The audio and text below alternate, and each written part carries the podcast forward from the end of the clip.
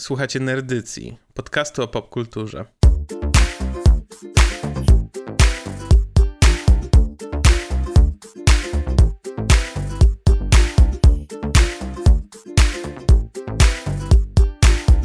Cześć, nazywam się Kuba i jest ze mną Damian. Witamy wszystkich bardzo serdecznie. w odcinku, który jeszcze nie wiemy, jak będzie się nazywał, w tym sensie, że chcemy wprowadzić nowy format, krótki, krótszy w każdym razie niż nasze y, odcinki, normalne nazwijmy więc nie mamy jeszcze nazwy dla tej serii.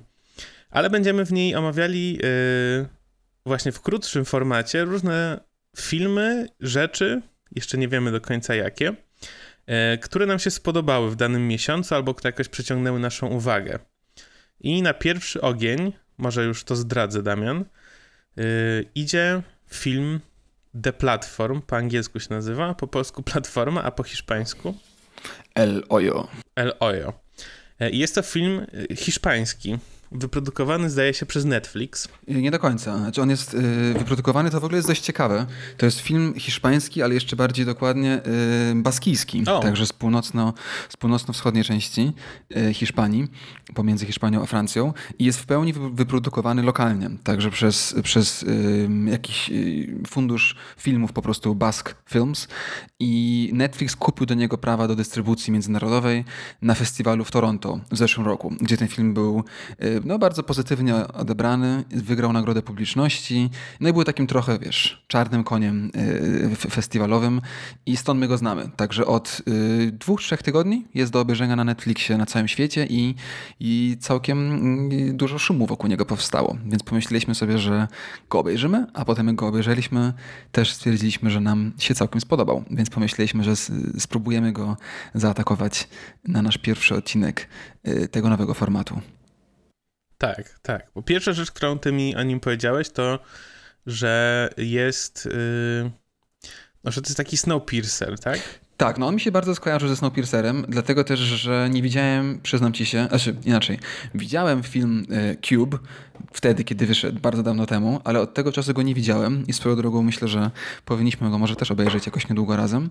Spoko, jestem ja bardzo lubię Cube. No właśnie, także to już mamy dobry temat na następny odcinek standardowy, E, ale Snowpiercer widziałem niedawno, widziałem go też parę razy i bardzo lubię też komiks, także mi się skojarzył właśnie ze Snowpiercerem e, z jedynym takim twistem, że jest zamiast w poziomie jest w pionie, cała przedstawiona rzeczywistość, no i jest dużo bardziej obrzydliwy, w sensie jest po prostu hardkorowo y, gore, to się mówi, tak, czyli się leje krew i, i ja takich filmów w ogóle nie oglądam. Ty mówiłeś, że ciebie tak nie zszokował, e, ale dla mnie on był dość ciężki. Tak, ja, ja ostatnio przeżywam, y, bo ja też nigdy nie oglądałem takich filmów y, gore jakoś bardzo dużo, ale ostatnio przeżywam y, jakiś taki renesans ich i w tym sensie, że się zapoznaję z różnymi klasykami i jestem po Mhm. hostelu y, Wow. Elijah Okej. Rota, y, więc y, ten, więc on nie był jakoś dla mnie aż tak obrzydliwy, ale był faktycznie, były takie momenty, kiedy rozumiem o co ci chodzi.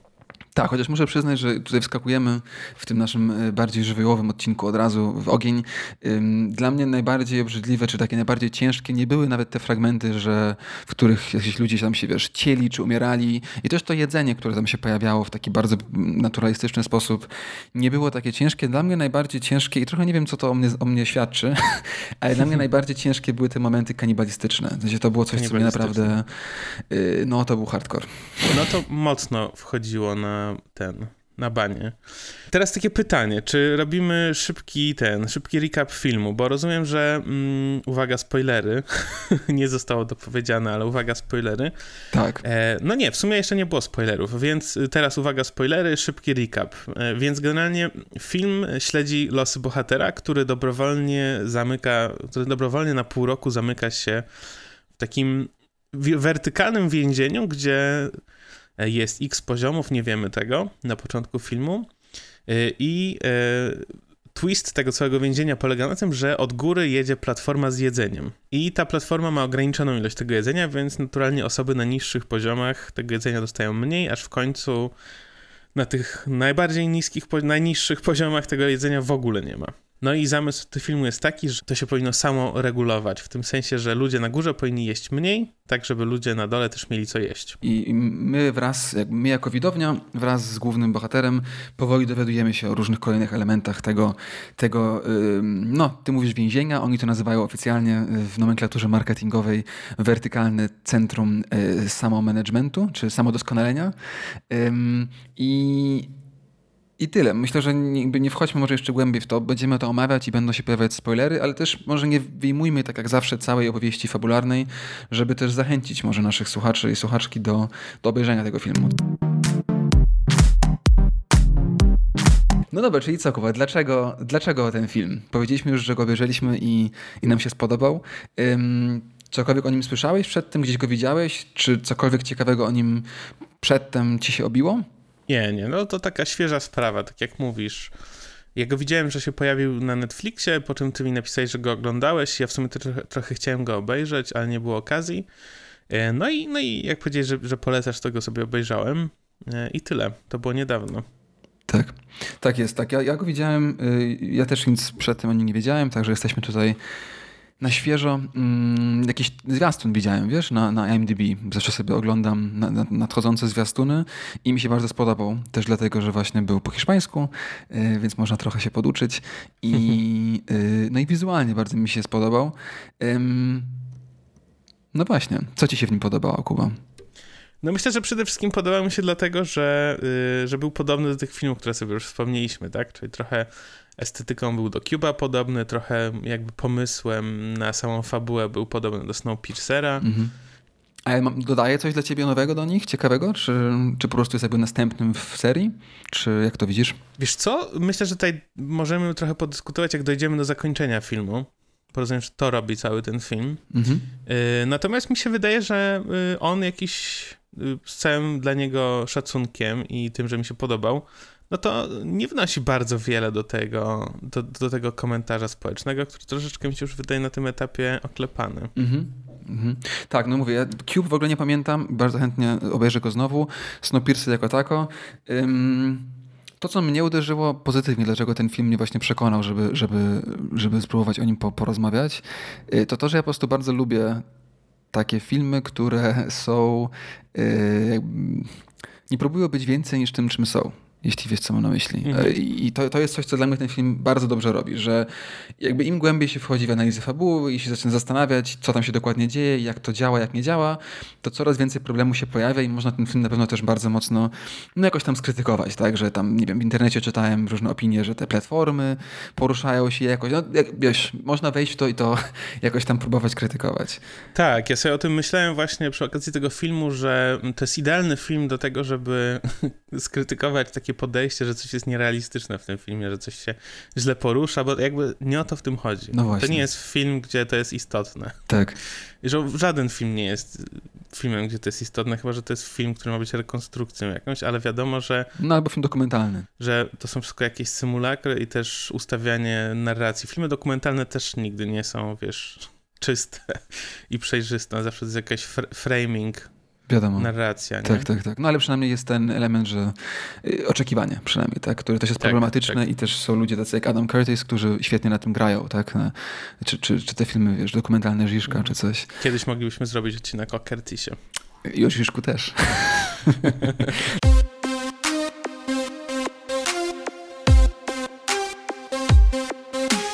No właśnie, ale tylko wiesz, żeby dokończyć myśl, to jest to, co mnie, ja to bardzo lubię. Takie filmy, które po prostu są, jest jakby jeden, jeden pomysł, który nawet nie musi być jakiś super głęboki, tak? Tak jak tutaj mamy ten pomysł na to, żeby przedstawić jakąś metaforę czy alegorię nierówności społecznych późnego kapitalizmu mhm. w jakiś taki bardzo prosty, wizualnie wiesz, zrozumiały sposób, tak? Że mamy tę tak. wieżę pionową, na górze są bogate klasy, na dole są te biedne klasy i, i, i tyle. Wiesz o co chodzi? Że tak, jakby tak, jest tak. Taka, taki pomysł i ten pomysł jest dopracowany do perfekcji. To jest to, co mnie na przykład w tym filmie bardzo pozytywnie uderzyło, że, że rzeczywiście jest to pokazane Mhm. I wszystko, co się dzieje, tylko w jakiś sposób to dalej umacnia. I, I tyle. I jakby ta końcówka rzeczywiście jest tym jednym elementem jakby wyskakującym z tego i do tego dojdziemy, ale wszystko, co się, co się dzieje do tego momentu, działa. I to jest coś, co dla mnie jakby zasługuje na, na plus. Tak, tak, tak. No i tutaj też myślę, że jesteśmy przy okazji, wiesz... przy okazji jesteśmy przy, przy tym, co w Metropolis y, widzieliśmy i o czym rozmawialiśmy z Metropolis, nie? Czyli, że ta jakby ta wertykalna hierarchia się przewija potem jako motyw i jako sposób obrazowania właśnie pewnych politycznych ideologii i pomysłów. No to prawda, czyli znowu mamy yy, element architektury i miasta. Tak, no jesteś, jesteśmy w połowie nagrywania serii o miastach, więc myślę, że to nie, nieunikniony będzie motyw powracający -hmm. W różnych miejscach. Tak. To, co ci się nie podobało, może jeszcze, zanim będziemy głębiej w to, co nam się znowu podobało? Jakiś element, który ci nie działał, albo coś, co ci uderzyło, jakoś, wiesz, zabolało? Wiesz co, myślę, że tak jak mówisz, ja nie podchodziłem do tego filmu z jakimiś olbrzymimi oczekiwaniami, albo też nie myślałem, że on musi być e, jakiś konkretnie bardzo wybitny. Jednym słowem, e, nie rozczarowałem się i nie było tak, że jakieś elementy dla mnie bardzo nie działały. Myślę, że to w ogóle jest coś, co jak, jest jedynym, jedynym sposobem na przeżycie y, używania Netflixa, żeby mieć po prostu zero oczekiwań. Bo jak masz zero oczekiwań, to zawsze się możesz pozytywnie zaskoczyć. A jak masz oczekiwania, które ja parę razy miałem, że jakiś dany film na Netflixie będzie dobry, a najczęściej nie są, e, no to jest e, męczące. Mówisz o produkcjach Netflixa? tak, mm, tak. Okay. No to, jest takie, to są takie filmy telewizyjne. No właśnie, ja nie znoszę telewizji, w związku z tym dla mnie to jest w ogóle problem. Znaczy nie znoszę może za dużo powiedziane, ale nie mam, ja nigdy nie miałem telewizji w domu, także jakby wiesz, nie ma dla mnie ten taki sposób oglądania, że coś jest włączone w tle i jakby nie musi być dobre czy ciekawe, że coś innego robisz w trakcie, tego w ogóle nie umiem. Także ja jak coś oglądam, to oglądam i wiesz, jakby -hmm. nie ma nic, wiesz o co chodzi? No nie, to ja, ja, ja całkiem lubię. Ja całkiem lubię mieć rzeczy w tle, ale faktycznie to nie jest, nie jest film, tylko raczej YouTube jakiś.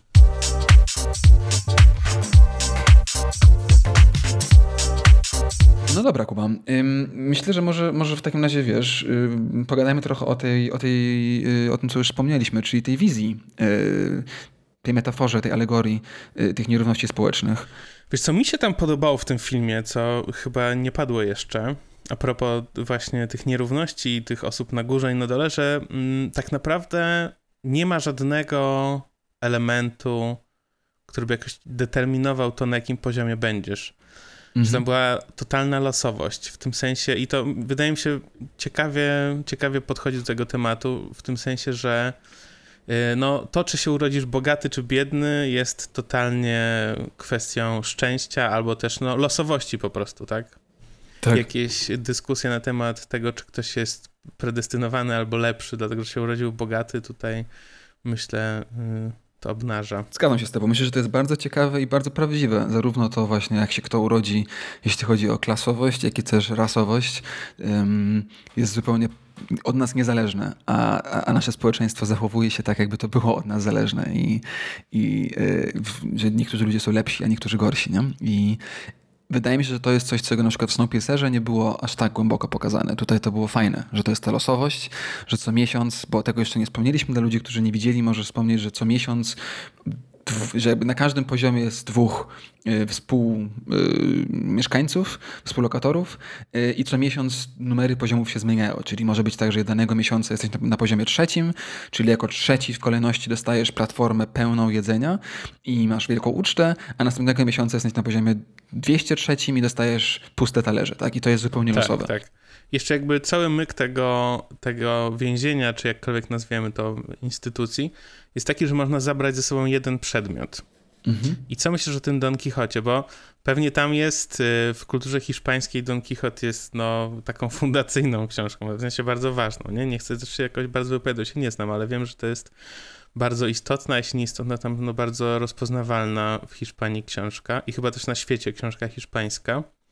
Ale do czego dążę? Do tego, że główny bohater zabrał ze sobą do więzienia książkę, bo uznał, że chce rzucić palenie i przeczytać książkę. Inni brali nóż, baseball, cokolwiek, on wziął książkę. Jakoś mi się tak skojarzyło z takim, z taką postacią jakiegoś takiego naiwnego intelektualisty, który trochę nie rozumie świata i trochę mu się wydaje, że to będzie taki slamming, że pójdzie sobie do więzienia i e, będzie miał czas na to, żeby poczytać literaturę. Tak, tak, tak, tak. No, to, to jest coś, co no w ogóle można zastanawiać się, na ile zgadzamy się jakoś tam, czy na ile nam się podoba w ogóle wymowa całego tego filmu, tak? Bo y, w trakcie filmu ten nasz główny bohater, Goreng, tak się nazywa, jakoś tam y, no, jakby zaczyna od takiej pozycji, tak jak mówimy, tak, że jest miły, wziął ze sobą książkę, stara się rozmawiać ze współlokatorem i im bardziej hardkorowe rzeczy mu się dzieją, im bardziej jest zmuszony jeść innych ludzi, żeby przeżyć i, i widzi, y, no jak wszyscy zachowują się tam w, w ramach tego, tej przestrzeni, coraz bardziej traci nadzieję, aż pod koniec jakoś tam znowu ją zdobywa i niejako staje się jakimś takim, no właśnie nie wiadomo, wybawicielem, rewolucjonistą, y, dyktatorem. I to w kontekście tej książki wydaje mi się jest ważne, tak, że z jednej strony bierze ze sobą książkę, czyli stara się jakby skupić na sobie, przeczytać ją dla siebie, nie? jakoś tam klasyka literatury i, i jest skupiony na sobie, a kończy się kompletnym otwarciem na innych, tak, że postanawia de facto poświęcić się dla innych, bo to też jest znakiem zapytania, ale ja tę końców, końcówkę tak czytam, że on umiera y, pod koniec, y, poświęcając się dla, dla tego, dla tych innych ludzi. I, i niejako, ja to trochę tak widziałem, tak, że od, od jakiegoś mola książkowego, wiesz, intelektualisty, indywidualisty, że on teraz skończy palić, czyli on i jego zdrowe i przeczyta książkę, czyli będzie, wiesz, wiedział więcej, otwiera się na innych i im pomaga. Y, no dla mnie tutaj jeszcze drugi komentarz jest istotny, czyli to, no ta końcówka. Dla mnie ta końcówka znaczyła tyle i to chyba się pojawiło w wywiadzie, który mi podesłałeś z reżyserem, czy tak, z reżyserem tego filmu. Tak. Y, że y, ludzie, którzy są wychowani w ramach danego systemu, są tacy i się nie zmieniają. Chyba tam takie zdanie padło, a w każdym razie, że jeśli, że są zbyt, zbyt obsesyjni na temat władzy. Jeśli by dostali tą władzę, to by się stali skurwysynami, on chyba tam powiedział. E, i, e, no i dla mnie ta końcówka oznacza to, że, mm, no, że on jakby jest już uformowany przez ten system na tyle, że nie może wjechać na górę, bo jest częścią tego starego społeczeństwa, które próbuje zniszczyć, nie? I gdyby Rezam wjechał z tą dziewczynką mhm. na górę, to jednak, y, no raz, że to byłoby samolubne takie zachowanie, znaczy egoistyczne, przynajmniej nie samolubne, egoistyczne, a z drugiej strony, no, jakby skażałby to nowe społeczeństwo, które chce zbudować, tą swoją jakby, tą swoją, y, no, swoim charakterem uformowanym przez to więzienie.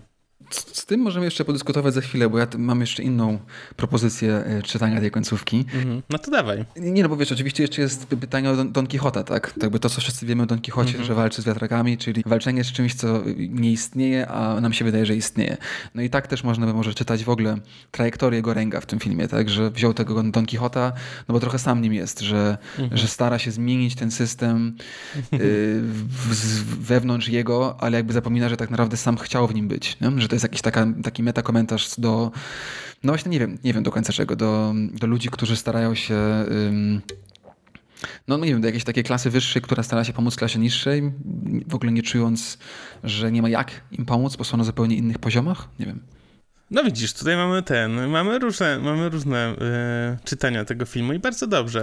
Myślę, że też no, to jest taki film, że y, oczywiście tam jest ten, fajnie, fajnie sobie poczytać go w jakiś tam sposób i sobie pomyśleć, co on może znaczyć, ale też bym nie przykładał aż tak dużej wagi do tego. Tak, no chociaż jest taka jedna scena i o niej trochę zapomniałem, ale właśnie jak wczoraj jeszcze rano, wieczorem przeglądałem go jeszcze raz, zobaczyłem, że ona tam się dzieje i, i, moim zdaniem ona może w ogóle całkowicie zmienić czytanie końcówki. Mianowicie pod koniec, jak Goreng z Baharatem, czyli tym jedynym czarnoskórym y, mieszkańcem tego, tego, tego więzienia, który jakoś tam, jak rozumiem, symbolizuje y, uciekinierów z Afryki, tak? I, I jakby Europę, która się ich z jednej strony zaprasza, a potem ich kompletnie olewa, y, jadą w dół, żeby pojechać na górę, tak? Czyli dochodzą do wniosku, że jeżeli uda im się dojechać na, sam, na, ostatnie piętro i zachować pana Kottę, y, ekskluzywną, wykwintną, nietkniętną i wrócić z nią na samą górę do kuchni, to ten system jakoś tam upadnie.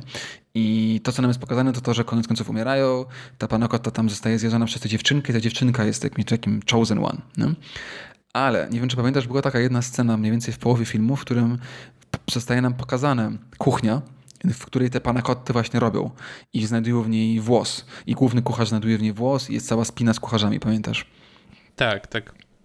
I gdzieś właśnie przeczytałem, i wydaje mi się to całkiem fajne czytanie tego filmu, że po, mhm. o, o, pomimo tego, że ta scena jest w środku filmu, tak naprawdę ona nam pokazuje końcówkę filmu. Mianowicie, że udało im się zawieść ten, ten panakotty na górę znowu, yy, z nadzieją, że ta wiadomość o tym, że przetrwała pana Kotta, znaczy, że coś się dzieje źle i chcą zmienić ten system, ale reakcją tych u samej górze, na samej górze jest zupełny brak zrozumienia i nie rozumieją tego message'u, tej, tej wiadomości, że to o to chodzi, tylko jedyne co, co, co rozumieją, co zastanawiają się, to to, że przez to, że włos w tej panakotcie nie została zjedzona. Czyli wiesz, jakiś taki kompletny brak możliwości komunikacyjnej. Tak, takie odklejenie, odklejenie elit od rzeczywistości, co obserwujemy, ale tu nie wchodźmy w politykę.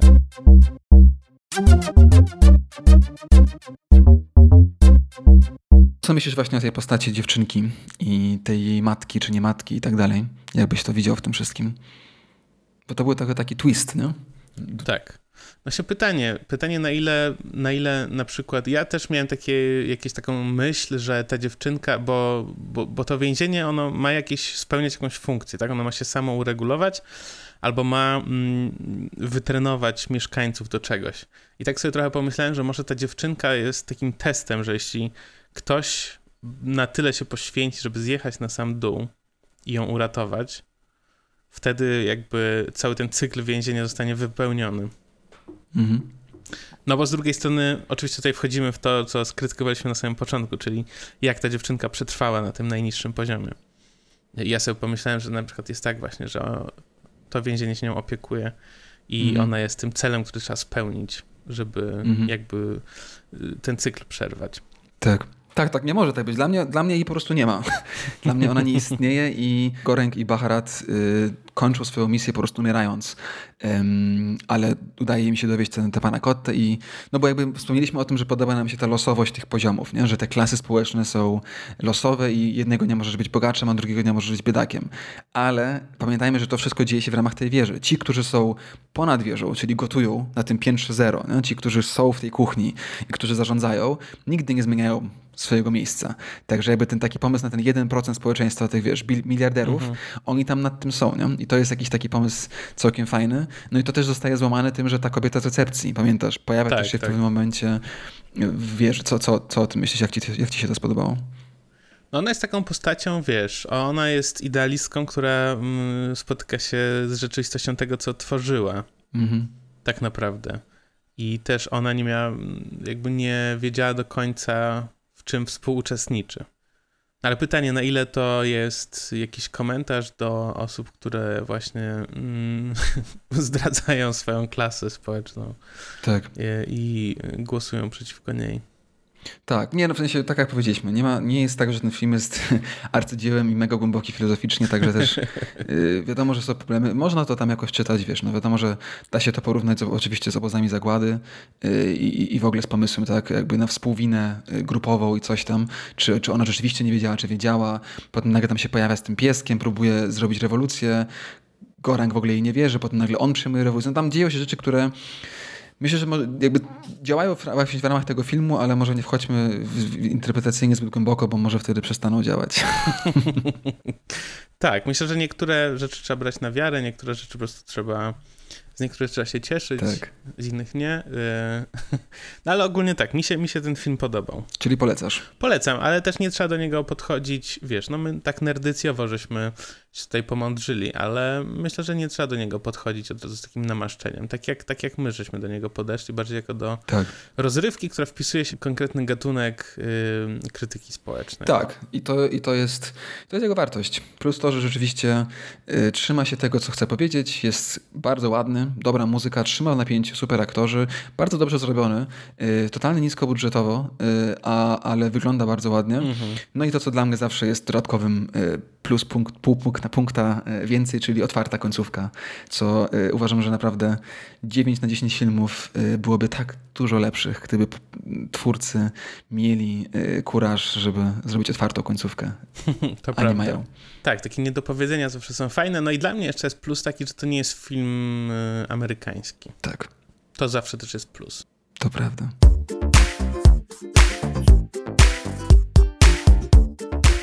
Dobra, Kuba, fajnie się pogadało o platformie. Polecamy ją wszystkim do obejrzenia i zachęcamy do komentowania i dzielenia się wrażeniami.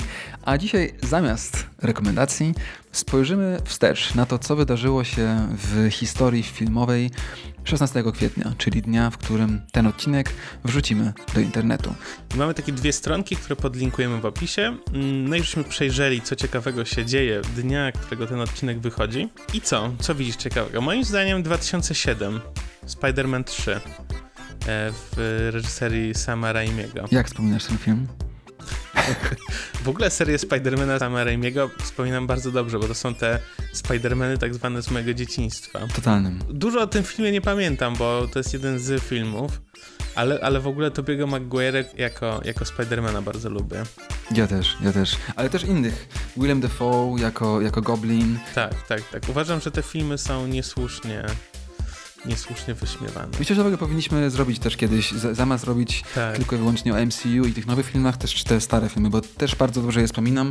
Ten trzeci pamiętam, że był strasznym chaosem, bo tam było z pięciu z Woli i to był jakiś taki total, ale e, i też Venom się pojawia, no w każdym razie 2007, 16 kwietnia Spider-Man 3 miał premierę.